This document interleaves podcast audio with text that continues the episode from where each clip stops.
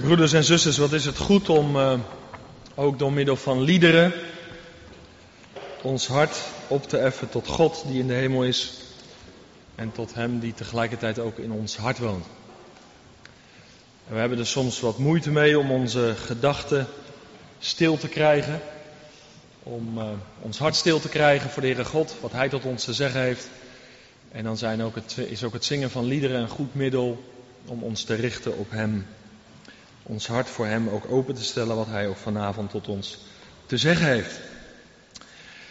Een pittig thema vanavond, het unieke van de gemeente, van het lichaam van de Heer Jezus Christus.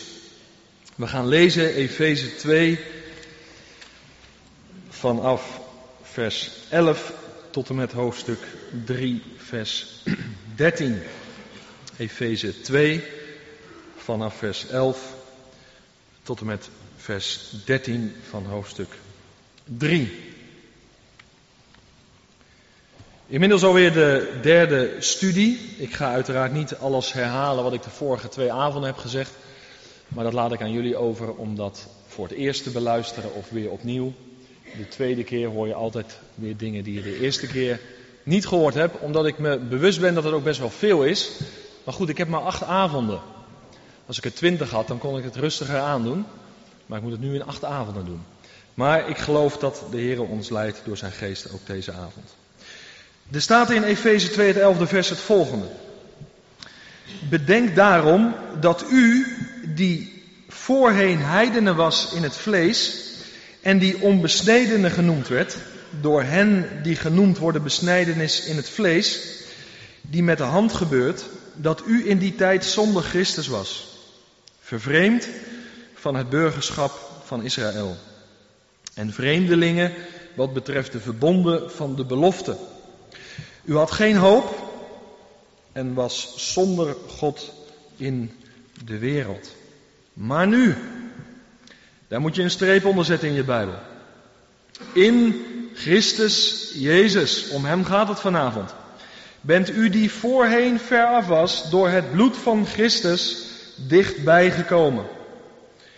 Want Hij is onze vrede, die beide één gemaakt heeft. En door de tussenmuur die scheiding maakte af te breken, heeft Hij de vijandschap in zijn vlees teniet gedaan. Buiten werking gesteld.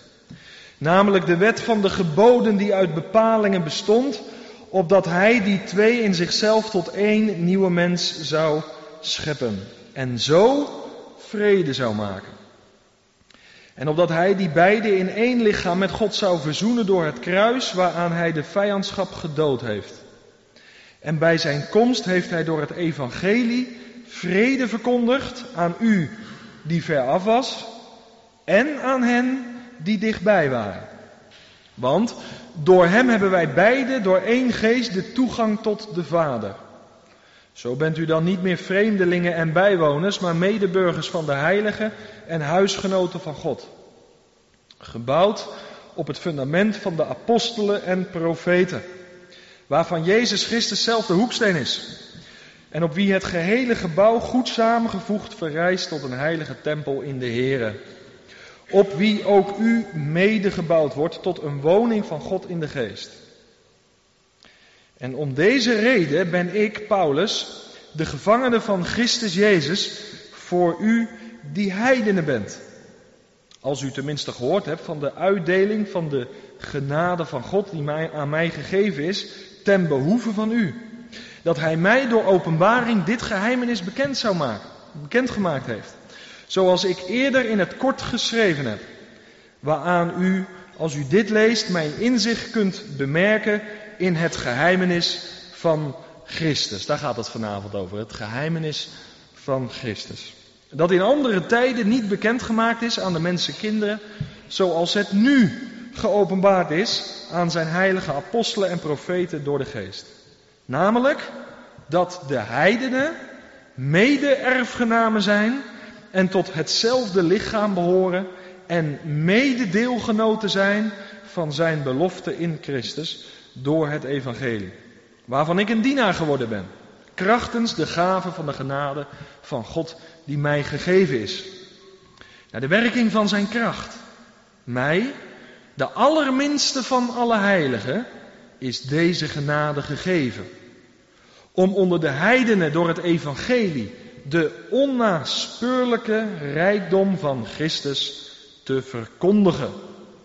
En allen te verlichten, opdat zij mogen begrijpen wat de gemeenschap aan het geheimenis inhoudt.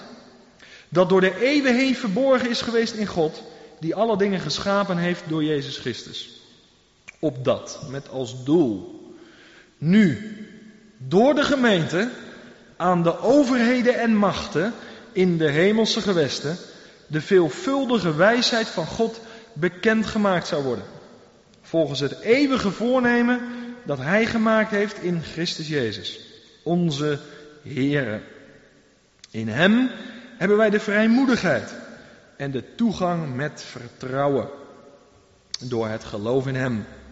Daarom vraag ik u dat u de moed niet verliest vanwege mijn verdrukkingen omwille van u, want dat is uw heerlijkheid. Tot zover dit gedeelte uit de brief aan de Efeziërs. Broeders en zusters, wij kunnen dit gedeelte niet begrijpen. En wij zullen ons er niet over verwonderen als wij niet de volgende dingen beseffen. Het is noodzakelijk om de volgende dingen die ik nu ga delen goed tot je door te laten dringen. En het eerste wat ik wil zeggen is dit. Dat de Heere God het volk Israël, en daaronder versta ik de twaalf stammen, uitgekozen heeft als zijn volk. Dat moet je goed begrijpen vanavond. Er staat voor de schrijvers onder ons in Deuteronomium 6, vers 6 en 7. Want u bent een heilig volk voor de Heere uw God. De Heere uw God heeft u uitgekozen uit alle volken op de aardbodem om voor hem tot een volk te zijn dat zijn persoonlijk eigendom is. Niet omdat u groter was dan al de andere volken, heeft de Heere liefde voor u opgevat en u uitgekozen. Want u was het kleinste van al de volken. Dat is belangrijk. Nederland is niet uitgekozen als het volk van God. Amerika ook niet, nog minder Rusland. Israël. De twaalf stammen met het daarbij behorende grondgebied wat God reeds aan Abraham had beloofd. Dat zullen ze ook gaan krijgen. Maar dat heeft God uitverkoren. Het is belangrijk om daar een streep onder te zetten. Het tweede wat ik wil zeggen vooraf. Wij moeten beseffen dat de Bijbel een Joods boek is. Een Joods boek. En dat de Bijbel geschreven is, uiteraard geïnspireerd door de Heilige Geest, door Joodse profeten en door Joodse apostelen. En dat is even goed om stil van te worden. Dat is belangrijk, is het tweede. Het derde wat we moeten beseffen. Onze Heer en Heiland, de Heer Jezus Christus, was zelf een Jood. En hij is in de allereerste plaats niet gekomen voor de heidenen. Niet voor u, jou en mij, of er moet hier een Jood in ons midden zijn. Maar hij is in de allereerste plaats gekomen voor zijn eigen volk. Hij zal zijn volk gaan zalig maken van hun zonde. Dat is het Joodse volk. Dat zijn de twaalf stammen. Hij is in de allereerste plaats voor hen gekomen. Zullen we dat nooit vergeten? En God heeft dat volk uitverkozen in het verleden. Hij draagt zorg voor hen in het heden. En hij gaat tot zijn doel komen met dat volk en met het grondgebied in de toekomst. Amen. Het is heel belangrijk om vandaag te benadrukken, omdat velen in deze wereld, niet alleen de wereldleiders, niet alleen de grote landen, maar ook heel veel mensen in de kerk, geen visie meer hebben voor Israël. En sowieso niet meer voor het geestelijk herstel van Israël. Maar dat is wel wat er aan gaat komen. Dit is belangrijk om van tevoren te benadrukken, want hier gaat het over. in dit gedeelte. We lezen met regelmaat in de Bijbel over twee groepen mensen. Over Joden en over niet-Joden. Heidenen. En daar heeft Paulus het ook in dit gedeelte over. Aan de ene kant heeft hij het over de Joden. En aan de andere kant heeft hij het over de heidenen, de niet-Joden. En in vers 11 van hoofdstuk 2, waar we begonnen zijn, daar noemt Paulus de heidenen degene die niet besneden zijn. De onbesnedenen. Nou, dan zijn de Joden de besnedenen. Dan heb je gelijk die tekst te pakken wat Paulus daarmee bedoelt. De besneden mensen zijn de Joden, de onbesnedenen zijn de heidenen. En je kent allemaal die geschiedenis wel van David en Goliath. In 1 Samuel 17, waar David als Jood spreekt over die onbesneden Filistijn. Die de God van Israël hoonde. Joden en heidenen. Heidenen zijn zij die onbesneden zijn. Blader even naar Johannes 4. Ik ben nog steeds met mijn inleiding bezig. Dit is belangrijk om straks het geheimenis te gaan vatten. Dat Israël iets anders is dan de heidenvolken. Je ziet dat al in Johannes 4 als de Heer Jezus omgang heeft met die Samaritaanse vrouw. Ik zou talloze voorbeelden kunnen noemen. Ik ga er slechts twee noemen. Johannes 4, vers 9. Daar staat het volgende. De Samaritaanse vrouw zei dan tegen hem, dat is de Heer Jezus, hoe vraagt u, die een Jood bent, van mij te drinken, die een Samaritaanse vrouw ben? Want Joden hebben geen omgang met Samaritanen. Zie het verschil? Die vrouw die voelde dat haar fijn aan. En die wist met wie ze te maken had. Ik kan geen omgang met u hebben, want ik ben een Samaritaan, ik ben een heiden. En u bent een Jood, was het enige juiste antwoord. Wij kunnen geen omgang met elkaar hebben. Tweede voorbeeld, blader even naar Handelingen 10. En ik wil dat je dat zelf ziet en leest, slechts twee voorbeelden. Maar dat je straks het wonder gaat ontdekken van het geheimenis van Christus. Maar om je daarover te gaan verwonderen, dat je als heiden deel uitmaakt van dat geheimenis, moet je eerst zien dat daar een grote kloof was tussen Jood en heiden. Handelingen 10, daar lezen we over Petrus, die in dit geval de Jood is, en Cornelius, die de heiden is. Handelingen 10, vers 28, daar staat, en hij zei tegen hen, u weet dat het een Joodse man niet toegestaan is om iemand van een ander volk, om met iemand van een ander volk om te gaan of bij hem binnen te gaan. Maar God heeft mij laten zien dat ik geen mens onheilig of onrein mag noemen. Cornelius de heiden, Petrus de Jood. Er gaat iets gebeuren. Er is nog die scheiding, maar er gaat iets gebeuren waardoor die scheiding wordt weggenomen. Terug naar de Efezebrief. Paulus heeft onderscheid gemaakt tussen zij die besneden zijn en zij die onbesneden zijn. De besnijdenis gebeurde bij de Joodse jongetjes op de achtste dag. En de voorhuid van hun geslachtsdeel werd weggesneden. Het onreine deel werd weggenomen. Die besnijdenis, dat is een teken van het verbond wat God heeft opgericht met Abraham en met zijn natuurlijk nageslacht. Niet met de geestelijke kinderen van Abraham zozeer, maar in de eerste plaats met de natuurlijke kinderen van Abraham. Wil je dat even vasthouden? Dat is een teken van het verbond met Abraham. En dat verbond is een eeuwig verbond. Dus de besnijdenis loopt vandaag nog steeds door bij het Joodse volk. Niet alleen als ze de Heer Jezus nog niet kennen, luister goed.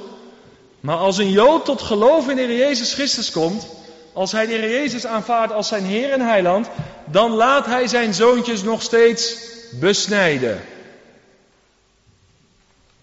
Die besnijdenis gaat door, omdat dat geldt voor alle nakomelingen van Abraham. Dus in die zin heeft u gelijk de les dat de doop niet in plaats van de besnijdenis is gekomen, want de besnijdenis gaat nog steeds door bij het Joodse volk. Omdat ze etnisch afstammen van Abraham. En dat doen ook, de besnijdenis wordt ook uitgevoerd door de Messiaans beleidende Joden. Belangrijk om vast te houden. Wat zegt Paulus vervolgens in Efeze 2? Als hij dat onderscheid heeft gemaakt, dan zegt hij over de heidenen in vers 12 iets over hun verleden. En broeders en zusters, ik hoop dat je je daarin herkent. Dat je vanavond, zoals je hier zit, weet van een eertijds. Toen je de Heere God niet kende. Maar dat je vanavond zeker bent van het feit dat je de Heer Jezus hebt leren kennen. Door het geloof. Dat je God de Vader hebt leren kennen door de Heer Jezus Christus toe te laten in je hart, in je leven. En als dat nog niet gebeurd is, wat let je vanavond om dat te doen? En dan hoop ik dat je niet naar huis gaat voordat je zeker weet, ik weet, mijn verlosser leeft. Want anders geldt voor jou wat in vers 12 staat van Efeze 2. En als u en jij de Heer Jezus hebt leren kennen, dan geldt dat voor onze eertijds. Want wat zegt Paulus daar? In die tijd was u zonder Christus. Vervreemd staat hier van het burgerschap van Israël. Het is een beetje zwak vertaald. Het lijkt net of we daarin deelden en er iets van af zijn geweken. Maar als je het Grieks leest, dan staat daar uitgesloten van het burgerschap van Israël. We hadden dus geen voorrechten te genieten. En hij gaat verder. We waren vreemdelingen wat betreft de verbonden der belofte. De verbonden die met Israël zijn opgericht. Heel bijzonder het verbond met Abraham, waar de besnijdenis een teken van is. Daar delen de heidenen niet in. Dat is gesloten met Abraham en zijn nakomelingen. We waren vreemdelingen van de belofte. En hij gaat nog verder. U had geen hoop. We waren hopeloze gevallen. Zonder hoop in de wereld. En Paulus verbindt eraan, die was zonder God. Een andere naam voor de Heer Jezus, voor de God van de Bijbel. Paulus zegt, hij is ook de God van de hoop. En elders zegt hij, de Heer Jezus is de hoop op de heerlijkheid. Onze hoop is niet maar een vaag gevoel. Zo in de zin van, nou ik hoop er maar op. Zoals je kan hopen op mooi weer als je op vakantie gaat. Je hoopt erop, maar je weet het niet zeker. Nee, de Bijbelse hoop is gefundeerd in een persoon. Jezus Christus. Hij die gisteren en heden dezelfde is. En dat tot in eeuwigheid.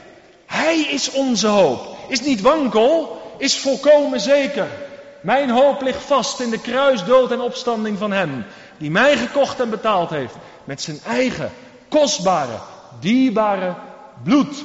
Dat is de hoop waar we mogen, in mogen delen als wederom geboren mensen. Maar in onze eertijd hadden we geen hoop. We waren zonder God in de wereld. Misschien had je wel hoop, maar dat is net zoiets als mijn kinderen die doen wel eens aan bellen blazen. Hè? Met zo'n potje en dan zo'n ringetje en dan blazen. En dat lijkt soms heel wat. En soms gaat hij heel hoog en hij vertoont een prachtige glans. Maar bij het minst of is het pats en weg is de hoop. Dat is de hoop van een mens die leeft zonder God. En als je hier vanavond zit en je bent nog zo iemand, dan bid ik, dan hoop ik, dan verlang ik dat je er werk van maakt. Dat het de laatste avond is. Dat je zonder hoop over deze wereld gaat. En dat je de Heer Jezus heel bewust vanavond toelaat. Want zo eenvoudig is het. In jouw hart, in jouw leven. En zeg, Heer Jezus, nu zie ik het. Ik ben een hopeloos geval zonder u. Ik kom tot u. En ik nodig u uit in mijn hart, in mijn leven. En hij heeft nog nooit zo iemand laten staan. Misschien wel voor u of misschien wel voor jou vanavond. Dit was ons eertijds, Efeze 2, vers 12. Een aangrijpende werkelijkheid. Maar als we dit lijstje opsommen, dat we zonder Christus waren, vervreemd van het burgerschap Israël, vreemdelingen van de belofte, zonder hoop, zonder God in de wereld, daar staan we als heidenen. We moeten samenvatten dat we helemaal niets hadden. We konden nergens aanspraak op maken. We waren hopeloze gevallen zonder de God van Abraham, Isaac en Jacob. En dat hebben we ontdekt in ons leven, toch? Aangrijpend. Wat een situatie waarin we verkeerden. En lieve mensen, als we zeggen dat de Heer Jezus in de allereerste plaats voor het Joodse volk gekomen is, dan staan we daar als heidenen. Leeg, niets hebbend, niets bezittend, nergens aanspraak op kunnen maken. Dat moet goed tot ons doordringen voordat ik verder ga. Maar dan gaan we naar vers 13. Maar nu, zo mooi hè. Soms de kleine woordjes in de Bijbel hebben de grootste betekenis. Diepste betekenis, de kleine woordjes. Maar nu, in die hopeloze toestand, waarin de heidenvolken verkeerden, en zoveel, ook van het Joodse volk, die geen gebruik maakten van de Messias. Daar is verandering gekomen. Paulus zegt maar nu in Christus Jezus. Wil je er even op letten dat Paulus hier heel vaak het woord Christus gebruikt. Paulus was een Jood en dat bleef hij. Maar hij had de Heer Jezus aanvaard als zijn persoonlijke Heer en Heiland. Als zijn Messias. Daarom zegt hij Christus, gezalfde, Messias. Hij had hem leren kennen. En daarom benoemt hij hem ook. Ik noem hem die ik heb leren kennen. Niet alleen Yeshua, de verlosser, de redder, de losser, maar Messias, gezalfde, Christus. Hij die door God beloofd was. En hij noemt hem heel specifiek een aantal keren Christus. Hij zegt het, maar nu in Christus bent u die voorheen ver af was, door het bloed van Christus dichtbij gekomen. Ik ga een beetje switsen vanavond, dus je moet je Bijbel erbij houden, anders volg je het niet. We gaan even naar hoofdstuk 3. Kom straks weer terug. Hoofdstuk 3, we maken een uitstap. Want wat is er nou gebeurd? Nou, er is een grote, onzagwekkende verandering gekomen wat betreft het heilsplan van God.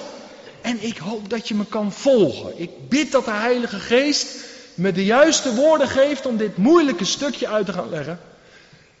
En dat je aandacht hebt voor wat God tot je wil zeggen. Er is een grote ontzagwekkende verandering gekomen. En dat benoemt Paulus in hoofdstuk 3. Want het werk van de Heer Jezus Christus heeft geleid tot een geheimenis wat Paulus op zijn beurt mag onthullen. Hij mag het doek eraf gaan halen en het geheimenis gaan openbaren, bekend gaan maken. Aan jou, aan u, aan mij. Hij noemt dat in hoofdstuk 3, vers 3 en 4. Daar zegt hij het. Dat hij mij door openbaring, door onthulling, dit geheimenis bekendgemaakt heeft, zoals ik eerder in het kort geschreven heb, waaraan u, als u dit leest, mijn inzicht, mijn begrip, mijn verstaan kunt bemerken in het geheimenis van Christus. Dat geheimenis is gekoppeld aan de Messias.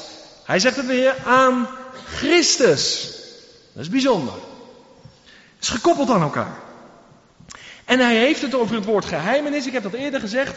In de grondtaal, in het Grieks, staat daar het woordje mysterion. Wij kennen het woord mysterie. Daar komt het vandaan.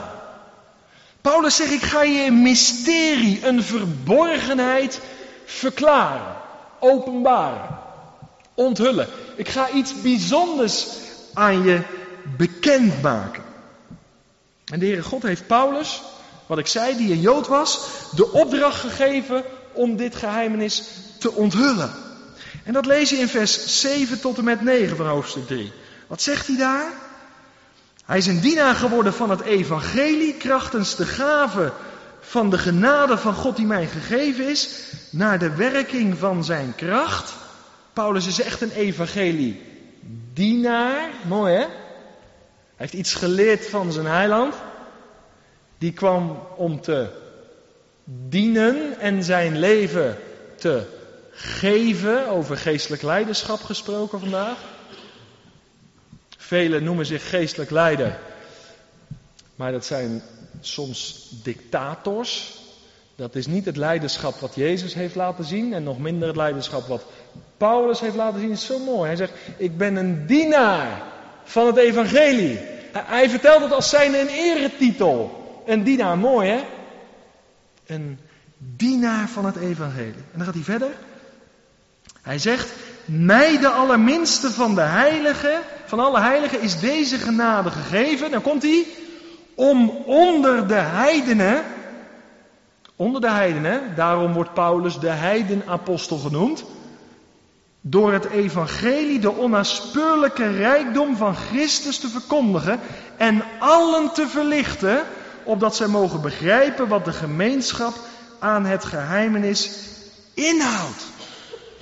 Paulus is dus geroepen, een door God geroepen man, die zichzelf een dienaar van het evangelie noemt, om het geheimenis te onthullen, bekend te maken. God heeft hem daarvoor uitgekozen. En dat is hem niet in zijn koude kleren gaan zitten, want we lezen in vers 1 van hoofdstuk 3 dat omwille van het openbare, het bekendmaken van het geheimenis, Paulus in de gevangenis is gekomen. Wij lezen daar veel te snel overheen. En het is zo mijn verlangen dat je de lijnen doortrekt. Ik heb net gezegd, er was een gigantische kloof tussen Jood en Heiden. Ik heb het aangetoond. Vanuit vers 1, of vanuit vers 11 van hoofdstuk 2 van de Efezebrief. Ik heb het aangetoond vanuit de Samaritaanse vrouw en de Heer Jezus. Ik heb het aangetoond vanuit Petrus en Cornelius. Een onoverbrugbare kloof.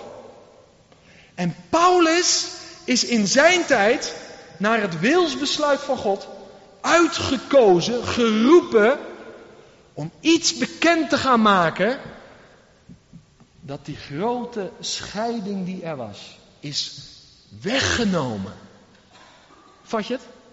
Zo bijzonder. Er is iets zo geweldigs gebeurd. En daar wordt Paulus voor gebruikt. Maar het kost hem gevangenschap. Dat betekende, als Paulus bij heidenen dit geheimenis bekend maakte, kreeg hij vijandschap. Als Paulus dit geheimenis aan de Joden verkondigde, kreeg hij vijandschap. En waar leidde het toe? Gevangenschap. Paulus als Jood verkondigt het geheimenis te midden van de heidenen. En daarnaast, het heeft hem niet alleen gevangenschap opgeleverd, maar luister goed, het heeft ook geleid tot geestelijke strijd in verschillende gemeenten. De onthulling van dit geheimenis. Ik kom zo op de inhoud, maar blijf erbij. De onthulling van dit geheimenis heeft strijd opgeleverd. Dat lees je onder andere in de brief die hij schreef aan de gemeente in Galaten. Dat leverde strijd op. Want wat was het geval? Er kwamen heidenen tot geloof in de Heer Jezus. Die aanvaarden Hem als hun persoonlijke Heer en Heiland. En de Joden eisten van die heidenen dat ze als Jood moesten gaan leven. Maar er kwamen Joden tot geloof, die de feesten vierden en de Sabbat vierden, noem maar op. En die heidenen die verplichten de Joden om als een heiden te gaan leven. En dat gaf wrijving. Maar Paulus die leert geen van beiden. Paulus zegt, God heeft gezorgd voor iets heel nieuws. Ik ga die twee tot één nieuw lichaam maken. Net als in een huwelijk. Ik ben tien jaar getrouwd. Wij zijn twee verschillende persoonlijkheden, mevrouw en ik. We hebben allebei een andere identiteit. God heeft ons samengevoegd tot een eenheid. Maar er zijn nog steeds dingen die Annette heel fijn vindt en waar ik geen interesse in heb. En dat heb ik op mijn beurt. Dus je bent een eenheid, maar er is ook een stuk behoud van identiteit. Volg je me? En dat is wat Paulus gaat verkondigen. En daar hebben heel veel mensen moeite mee. Want die dwingen de een om zo te leven. Een heiden dwingt een jood om als een heiden te gaan leven, maar dat kan helemaal niet. Een heiden kan, of een jood die kan ze gebruiken, aanhouden. Maar de Heer Jezus aanvaarden als zijn persoonlijke Heer en Heiland. Leven vanuit het werk wat de Messias verricht heeft. En er was wrijving. Nou, Paulus zegt, ik ga je iets bekendmaken. God heeft iets totaal nieuws gemaakt. Waarin het behoud van de identiteit ook gewaarborgd is. Nou, wat is nu de inhoud van het geheimnis? Komt ie, vers 5 van hoofdstuk 3. Het gaat een beetje kriskras door elkaar, maar ik doe dat om de lijn erin te houden. De inhoud van het geheimenis, daar staat het volgende in vers 5. In andere tijden is niet bekendgemaakt aan de mensen kinderen, zoals het nu geopenbaard is. Dus het geheimenis is in andere tijden niet bekendgemaakt aan de mensen kinderen, zoals het nu geopenbaard is aan zijn heilige apostelen en aan de profeten. In het Oude Testament profeteerden de profeten al dat uiteindelijk de heidenvolken ook in de zegen van de Messias zouden gaan delen. Maar de scheiding tussen de gelovige Jood en de gelovige heiden, dat die weggenomen zou worden, was nog niet zo concreet bekendgemaakt. En dat is wat Paulus hier noemt in vers 5. Maar nu is het tijdstip in Gods heilsplan zo ver gekomen dat het wel geopenbaard zou worden. Dat de heidenen delen in de zegen die God in de allereerste plaats beloofd heeft aan Israël. En waar heeft dat mee te maken? In heel dat heilsplan van God is het zo, wat ik gezegd heb, zijn zoon is gekomen voor zijn eigen volk. Het evangelie is allereerst bestemd voor Israël. Maar doordat, het, doordat een groot deel, tot op de dag van vandaag, de Heer Jezus als Messias verworpen heeft, is het evangelie tot de heidenen gegaan. Daarom moeten wij ontzettend dankbaar zijn voor de Bijbel. Want wij hebben die Bijbel ontvangen via het Joodse volk. Misschien dacht u via de synode van Dort, maar dat is niet waar. We hebben deze Bijbel ontvangen via het Joodse volk. Het is heel fundamenteel dat we dat nooit zullen vergeten. En daar mogen we ons over verwonderen. Het is tot ons gekomen. Het heil is ook naar de heidenen gegaan. En door het geloof in de Heer Jezus Christus mogen ook de heidenen genieten van de zegeningen van het nieuwe verblond door het bloed van Christus, de Messias, die uit het Joodse volk is opgekomen, voortgekomen. En het geheimenis wat Paulus onthult, waar wij als gelovigen in mogen delen, dat heeft een aantal voorrechten. Dat lees je in het volgende vers. Vers 6 is dat. Zo bijzonder. Wat geldt dan nu ook voor ons? Daar staat dit. We zijn in de allereerste plaats erfgenamen geworden. Want Paulus zegt namelijk dat de heidenen mede-erfgenamen zijn geworden. Dat is toch geweldig? Als het heil in de allereerste plaats niet voor ons bedoeld was, ontvangen we niet alleen vergeving van onze zonde, de inwoning van de Heilige Geest. We zijn ook erfgenaam geworden. En dat betekent dat wij straks een plaats hebben in het komende vrederijk. Het koninkrijk van God. Als Jezus koning zal zijn op de troon van zijn vader David, krijgen wij als heidenen ook een plek. Niet verdiend, toch gekregen. Dank u wel, Heer Jezus. Dankzij Hem. Ik hoop dat je er blij van wordt. Ik zie het nog niet op jullie gezichten. Maar dit is iets om je over te verwonderen. Erfgenamen. Tweede, hij zegt, we zijn ook onderdeel geworden van dat geestelijke lichaam van de Heer Jezus, wat de gemeente genoemd wordt. We behoorden er helemaal niet bij, we waren heidenen. Uitgesloten van het burgerschap van Israël. Vervreemd, vreemdelingen van de verbonden. En toch, door het werk van de Messias, de Heer Jezus Christus, mag ik onderdeel zijn van zijn lichaam. Misschien ben je een pink en de andere een voet, maar we zijn onderdeel van dat lichaam van de Heer Jezus Christus. Dat is reden tot dankbaarheid. Paulus zegt het hier en onderstreept die teksten, mede-erfgenaam. En we behoren tot hetzelfde lichaam. En of het nog niet genoeg is, hij zegt, we delen ook in de belofte van God in Christus. En dat gaat in de allereerste plaats om de belofte van het evangelie.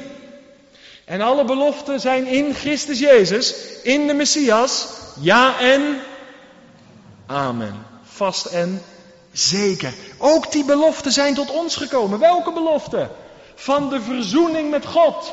Van de vergeving van onze zonden. Van de inwoning van de Heilige Geest. Van het eeuwige leven. Ze zijn ook tot ons gekomen. Heer Jezus, ik heb het nog nooit zo gezien. Dat wat eerst voor uw volk bedoeld was, twaalf stammen. Ik stond er helemaal buiten. Ben in Nederland geboren. En het is toch tot me gekomen. Lieve mensen, wij moeten niet zo Grieks denken. We denken zo binnen Nederland, zo beperkt. Ons kerkje, ons clubje. God bewerkt zijn helsplan vanuit het Joodse volk. En door die twaalf gewone mannen. Mooi hè? Twaalf eenvoudige vissers. Of wat ze waren.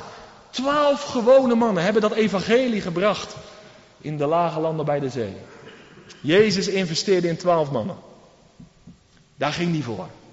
Daar investeerde hij in. Hen discipelde hij in de wetenschap dat als zij met dat evangelie de wereld rondgaan, het evangelie van de vrede, zegt Paulus, dan gaat dat heil ook tot de heidenen. Nou, wij zijn met meer dan twaalf. Als we nou allemaal dezelfde activiteiten ondernemen als de discipelen destijds, dan krijgen we opwekking in Nederland, toch? Toch? Ja, maar het wordt tijd dat we op gaan staan. Het wordt tijd dat we deze dingen tot ons gaan nemen. In de allereerste plaats de Heer Jezus daarvoor gaan danken. Maar dat we met die schatten waarin we delen ook naar buiten gaan. En dat we anderen deelgenoot gaan maken van dat wat ons uit genade geschonken is. Dankzij de Messias. Hij die uit het Joodse volk is voortgekomen. Zie je de lijnen? Dit is toch bijzonder of niet? Ik word daar blij van. Als je dat ontdekt. En Paulus zegt, door het geloof in de Messias deel je in al deze heerlijke beloften. En nu zegt er iemand, een scherpe luisteraar, en ik hoop dat je allemaal een bereia bent, of je toetst of het waar is wat ik zeg. Nou zegt er iemand natuurlijk ja, maar als dit allemaal ook voor de heidenen geldt, dan kunnen we net zo goed zeggen dat de kerk in de plaats van Israël gekomen is. Toch? Wat heel veel mensen vandaag leren, de vervangingstheologie. Als het toch allemaal één pot nat is, één en hetzelfde. De kerk in plaats van Israël, met als gevolg geen verbondenheid meer met Israël, geen visie meer op Israël, geen geestelijk herstel meer voor Israël. Het is allemaal één pot nat. De kerk is in de plaats van Israël gekomen. Maar dat is een leugen. Dat is niet de waarheid. En ik moet het ook vanavond eerlijk zeggen. Ook de doop is niet in de plaats van de besnijdenis gekomen. Want dan zou de kerk vandaag Israël zijn. En we nemen een teken van het verbond met Abraham over. En we zetten dat gewoon in de westerse kerk. In de heidense kerk neer. Nee, nee, nee. Dat verbond met Abraham is met Abraham gesloten. En zijn natuurlijke nakomelingen.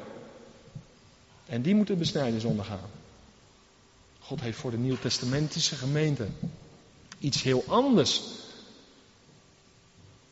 en dat is de doop. Zullen we die lijnen goed beseffen? Het is niet één en hetzelfde. Iemand vraagt nu, maar hoe zit het dan wel? Als de kerk niet in de plaats van Israël gekomen is. Ik ga iets moeilijks uitleggen, maar blijf erbij met je gedachten. Dit is zo fundamenteel. Paulus gebruikte in Romeinen 11 het beeld van de olijfboom. Ik heb het op, eh, in de Romeinen-studie al een keer uitgelegd. Ik ga dat herhalen, want dat heeft hiermee te maken. Dan begrijp je het. We zijn dus niet hetzelfde als Israël. We hebben deel gekregen aan de zegening. Nou, luister goed. Paulus illustreert het in Romeinen 11. Het beeld is wortel en takken van de olijfboom. Er wordt daar gesproken over de edele olijfboom met natuurlijke takken. Dat zijn de gelovigen uit Israël. Die hebben we. Dan spreekt hij over een wilde olijfboom met wilde takken. Dat is het beeld van de heidenen, de gelovigen uit de heidenen. Twee bomen, twee soorten takken. Duidelijk. Dan gaat hij verder. Olie, olijfolie, is in zowel het Oude als het Nieuwe Testament het beeld van de Heilige Geest. En ik kan niet anders zien dat als we het over een boom hebben, dat de wortel God zelf is. De Heer Jezus Christus, de Messias, wordt in Openbaring 22, vers 16 de wortel Davids genoemd. God zelf is de wortel. De edele boom. Met de edele takken. De edele takken zijn de takken die horen bij de edele boom. Dat is Israël. Die is gefundeerd op de wortel. Maar door de genade van God, door de genade van de Heer Jezus Christus, is het mogelijk dat onedele takken, volg je me nog, van de wilde boom, die onedele takken, worden geënt op de edele olijfboom. En daardoor hebben ze deel gekregen aan de sappen en aan de wortel. Wij zijn dus niet Israël. Wij zijn geënt op de edele olijfboom. En hebben daardoor deel gekregen aan de wortel en aan de sappen. Duidelijk? Dit is zo belangrijk. Dit is het onderscheid wat goed tot je door moet dringen. Wil je het gedeelte uit Efeze 2 en 3 verstaan? Het is een geweldige genade van God. Dat het evangelie tot ons is gekomen, tot ons heidenen, wilde olijftakken. Maar door het geloof in de Messias worden wilde olijftakken, heidenen, geënt, waardoor zij ook deel krijgen aan de vettigheid en aan de wortel. De belofte, het heil, de Heer Jezus, de Heilige Geest. En in die zin zijn wij geestelijke kinderen van Abraham. Blijft staan dat voor de natuurlijke nakomelingen van Abraham de besnijdenis is. Dat is dus iets anders. Zie je het verschil? Dit is belangrijk, dat je dat verschil ziet en niet alles op één hoop veegt. We gaan terug naar hoofdstuk 2. Nou zegt Paulus iets heel belangrijks. En misschien stel je de vraag, maar, maar, maar Jacques, je hebt zo duidelijk uitgelegd het verschil, de gigantische kloof die er was tussen Jood en Heiden. Je hebt uitgelegd dat er iets is gebeurd in de helsgeschiedenis. Vanuit het werk van de Heer Jezus Christus is er een geheimenis ontstaan. Waar Jood en Heiden in delen. Maar hoe kan dat eigenlijk? Hoe is dat toch mogelijk? Dat een Jood samenleeft met een Heiden in één gemeente, in één lichaam. Dat is toch onmogelijk? Nou, Paulus zegt, ik zal je tekst een uitleg geven. Efeze 2, het dertiende vers. Nou gaan we er even vers, door vers, vers voor vers doorheen. Maar nu, wat is het geheim van het geheimenis. Dat is een persoon.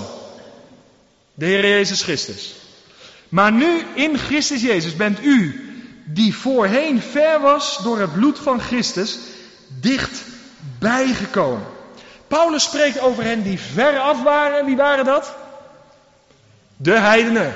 En wie waren dichtbij? De Joodse mensen. Hij gaat verder.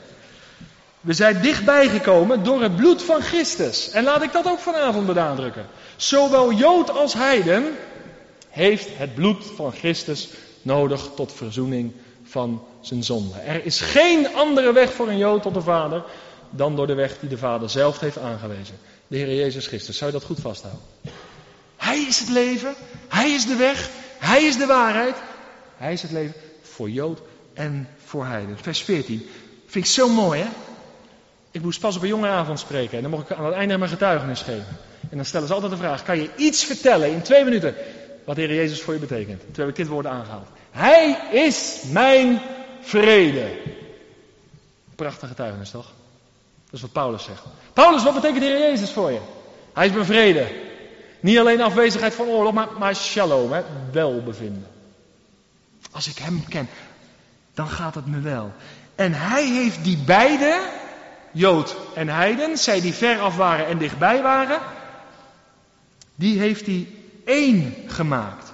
En door de tussenmuur die scheiding maakte af te breken, heeft hij de vijandschap in zijn vlees teniet gedaan, namelijk de wet van de geboden die uit bepalingen bestond, opdat hij die twee zichzelf in die twee, opdat hij die twee in zichzelf tot één nieuwe mens zou scheppen. Dat is een mond vol. Maar luister goed. Dat is bijzonder wat Paulus hier zegt. Er was scheiding tussen die twee. En wat maakt de scheiding? Nou, onder andere de wet van God die hij had gegeven. De wet was voor het Joodse volk omheining. En daarbinnen lag voor het volk de zegen. Luister goed, de wet is gegeven aan een verlost volk. Velen gebruiken vandaag de wet om mensen te verlossen, maar dan verlos je mensen niet mee. De wet was gegeven aan het volk wat reeds uit Egypte vertrokken was. Een verlost volk. En binnen de omheining van die wet lag de zegen van God. Maar tegelijkertijd functioneerde de wet als afscherming, om het zo maar te noemen, ten opzichte van de heidenvolken. Binnen de zegen, tegelijkertijd afscherming. Het bracht dus afstand. En dat is wat Paulus hier bedoelt. Ja, sterker nog, de wet was een oorzaak van vijandschap. Want een Jood keek een heiden niet aan. En dat is vandaag de dag nog zo als je in Jeruzalem loopt. Zeker als je niet goed gekleed bent. En onzedelijk gekleed bent. Dan krijg je nog of geen blik of een afkeurende blik. Begrijp je? Er is een kloof. Dus de wet was oorzaak van vijandschap, want ze keken elkaar niet aan. Nou, die, om, die kloof is weggenomen. En dan noemt Paulus hier iets heel bijzonders over een tussenmuur. Nou, er waren in de tempel scheidingsmuren. Waar een heiden wel overheen kon kijken, maar waar die niet voorbij mocht komen. Bracht scheiding. Nou, heel eenvoudig. De Heer Jezus heeft alle stenen muurtjes weggehaald. Die scheiding is weg. En de vijandschap is teniet gedaan. En al deze dingen die Christus gedaan heeft, door zijn offer aan het kruis, heeft ervoor gezorgd dat de gelovige Jood en de gelovige Heiden een eenheid gaan vormen. Dat is bijzonder toch? Wat de mensen onderling zelf niet voor elkaar kregen, Jood en Heiden. Heeft de Messias voor elkaar gekregen. De muur die scheiding maakte, is afgebroken. En dat is reden om dankbaar voor te zijn. Vers 16. En opdat hij die beiden in één lichaam met God zou verzoenen, door het kruis waaraan hij de vijandschap gedood heeft. Die vijandschap tussen Jood en Heiden. Dat neerkijken op elkaar. Die vijandschap is aan het kruis gedood. Want door de kruisverdiensten van Christus en zijn opstanding is er vrede. Tussen God en mens. Maar er is ook een vredige relatie mogelijk tussen Jood en tussen Heiden. Christus heeft de kloof overbrugd. Vers 17. En bij zijn komst heeft hij door het evangelie vrede verkondigd aan u die veraf was en aan u die aan hen die dichtbij waren. Zo mooi, Paulus zegt in Romeinen 1 vers 16. Het evangelie is de kracht van God tot zaligheid, is als dynamiet voor een ieder die gelooft, eerst de Jood en ook de Griek. Hier staat exact hetzelfde. Christus heeft bij zijn komst datzelfde evangelie verkondigd. Aan Jood, aan Heiden, aan hen die dichtbij waren, aan hen die veraf waren. En dan zo geweldig, vers 18. Want door hem, door de Heer Jezus, hebben wij beide door één geest de toegang tot de Vader. Lieve mensen, in het Oude Testament kwam de hoge priester één keer in het jaar in het binnenste heiligdom, in het heilige de heilige, op grote verzoendag. En het volk leefde nog op afstand. Ze kwamen hoogstens in de voorhof. Vandaag, levend onder een nieuw verbond, hebben zowel Jood als Heiden door het werk van de Heer Jezus toegang tot in het binnenste heiligdom. Elk moment van de dag, elk moment van mijn leven, elk uur, elk ogenblik, een vrije toegang. En door diezelfde geest mag zowel een Jood als een Heiden zeggen, Abba, Vader. Is er nog afstand of niet? Maar de vraag is niet of je dit theoretisch gelooft. Mijn vraag vanavond is of je zo leeft. Ken je God als een God van nabij? Daar gaat het om toch? Je kan allemaal mooie dingen uitleggen vanavond. En ik kan er nog veel meer vertellen. Maar mijn vraag is, leef je nou ook zo? Dat je er blij van wordt vanavond. Dat je verheugd bent. Dat je tot de schepper van hemel en aarde mag komen met vrijmoedigheid. En dat je door de geest mag zeggen, Abba, Vader. Dat kan je toch niet voor jezelf houden? En merken de mensen nou dat je niet meer op afstand leeft, niet meer met een God van wetten en regels, maar een God van intimiteit. Misschien heb je wel eens gehoord van John Peyton, dat is een zendeling. En die man die had in zijn huis een voorkamer en een achterkamer en daartussen zat een alkoof. Zo'n mooi verhaal. En John Peyton ging op vaste tijden bidden. En zijn kinderen wisten dat. En ze zagen hem naar binnen gaan, de alkoof in. En als hij dan dat alkoof weer uitkwam, dan straalde zijn gezicht. Zoals Mozes. De middelaar van het oude verbond was bij God geweest. En weet je wat de kinderen zeiden? Toen John Peter in de alkoof kwam. Papa is bij God geweest. Mooi hè? Dan heb je vers 18 verstaan. Een vrije toegang door één geest. Waardoor wij zeggen, Abba, Vader. Kijk, daar gaat er wat van je uit. Heb je wat te vertellen? Heb je vandaag al contact gehad met je hemelse vader? Of is vanavond de eerste keer dat je je Bijbel opent?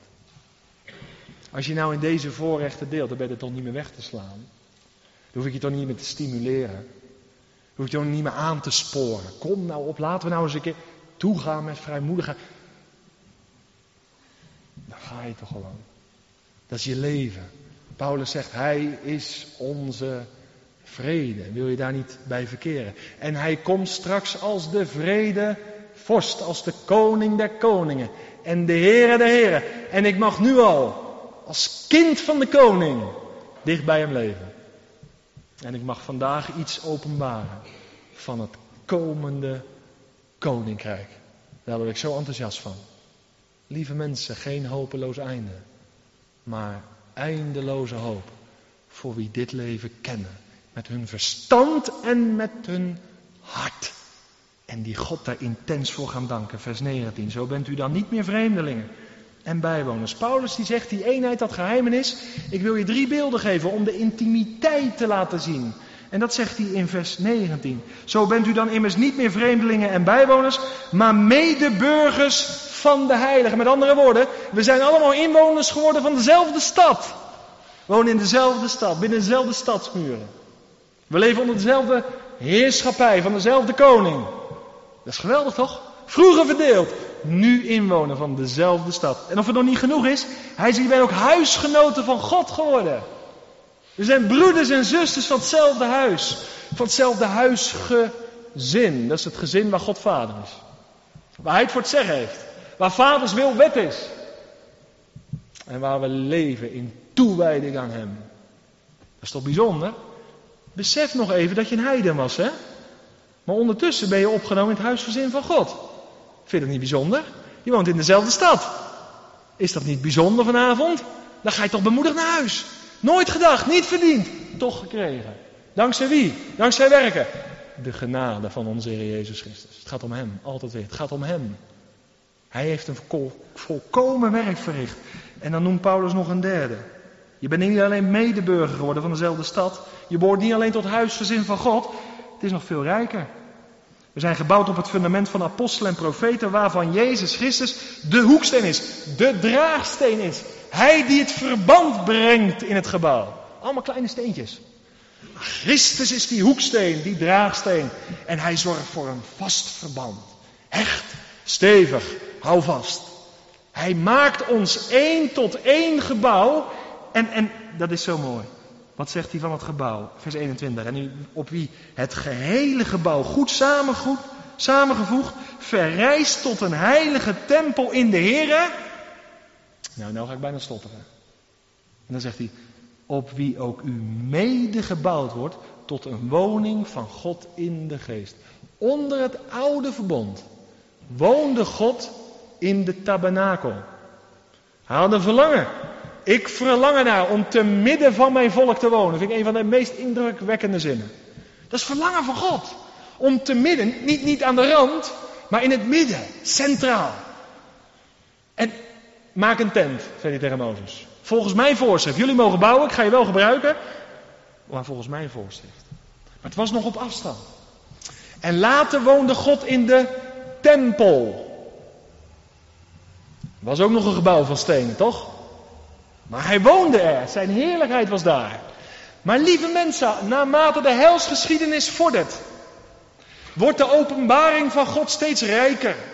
Eerst in de tabernakel, later in de tempel.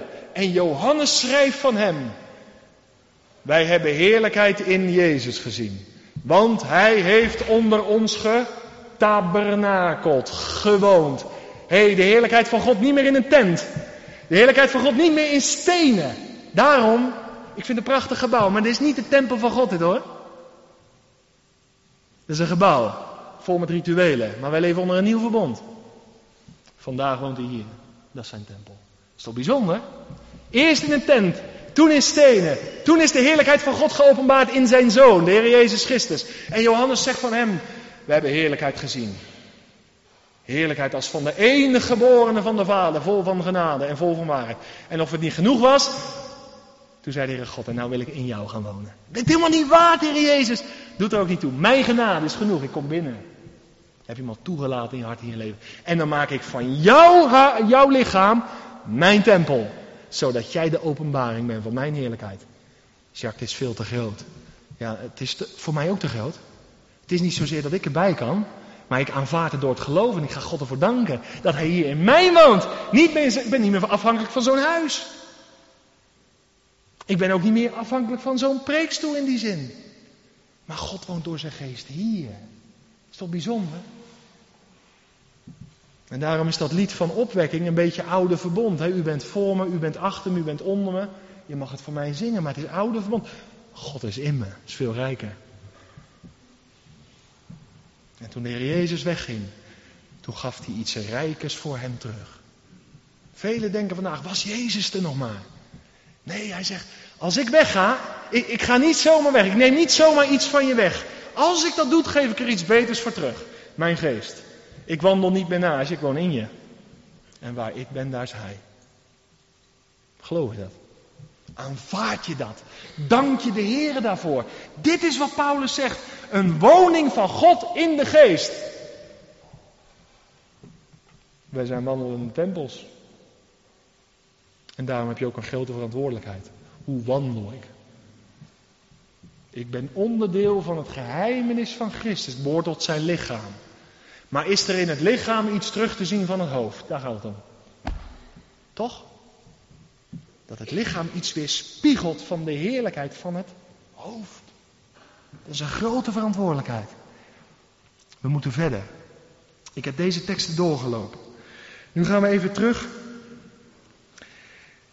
naar hoofdstuk 3 en daar sluit ik mee af.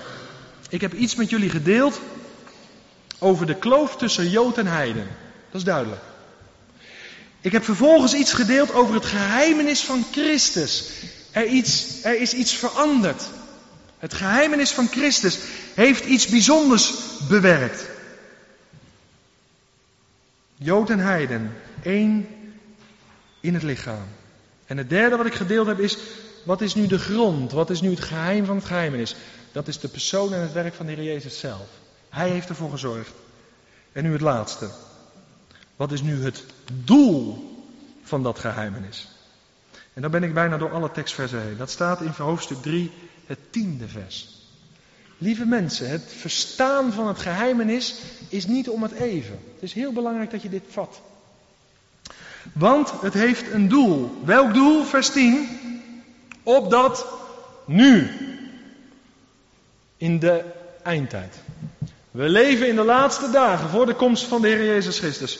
Opdat nu, door de gemeente, door het geheimenis van Christus, door het lichaam, wonderlijk, dat door dat lichaam aan de overheden en de machten in de hemelse gewesten de veelvuldige wijsheid van God bekend gemaakt zou worden.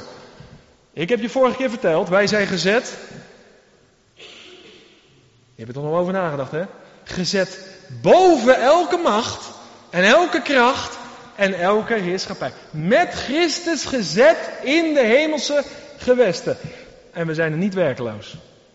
Want ten opzichte van die machten en die krachten die daar actief zijn, mocht de, mag de gemeente, nee ik moet het anders zeggen, is de gemeente vandaag geroepen om de veelvuldige wijsheid van God bekend te maken, te openbaren, te onthullen. Hoge roeping hè? Vind ik zo indrukwekkend.